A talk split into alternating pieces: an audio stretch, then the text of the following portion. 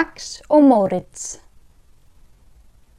Teiknimyndasögurnar um þá Max og Moritz eftir þjóðverjan Wilhelm Busch 1832 til 1908 komu fyrst út árið 1865 og höfðu mikil áhrif víða um lönd. Margir telja að þær séu undanfari teiknimyndasagna nútímans. Sagan er í bundnum máli. Hún var gefin út á íslensku árið 1981 í þýðingu Kristjáns Eldjáts, forseta Íslands.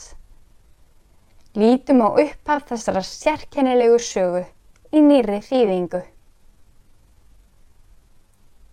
Piltar Max og Móritz hétu, mestu þrjótar, illa létu, engu góðu eira vildu og ekkert fallegt heldur skildu.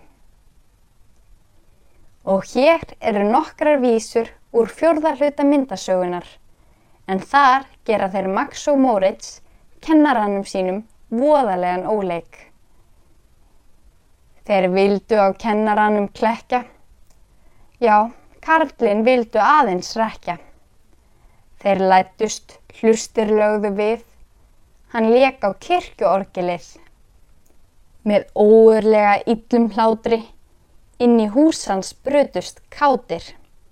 Þeir tróðu púðri í pípu hans og prakkaralegir stegu dans.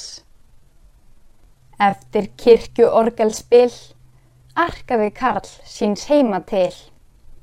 Hann hlakkaði til að hala einn smók á helgum degi í stofukrók. Það myndi helst á heil og jól að halla sér í mjúkan stól. Í pípunni kveikir með kátri lund, kennarinn góði um aftan stund. En strax við þetta fyrsta fyrkt fann hann koma skrítna lykt. Með blossa, kvelli og bláum reik breyttist allt og fór í steik.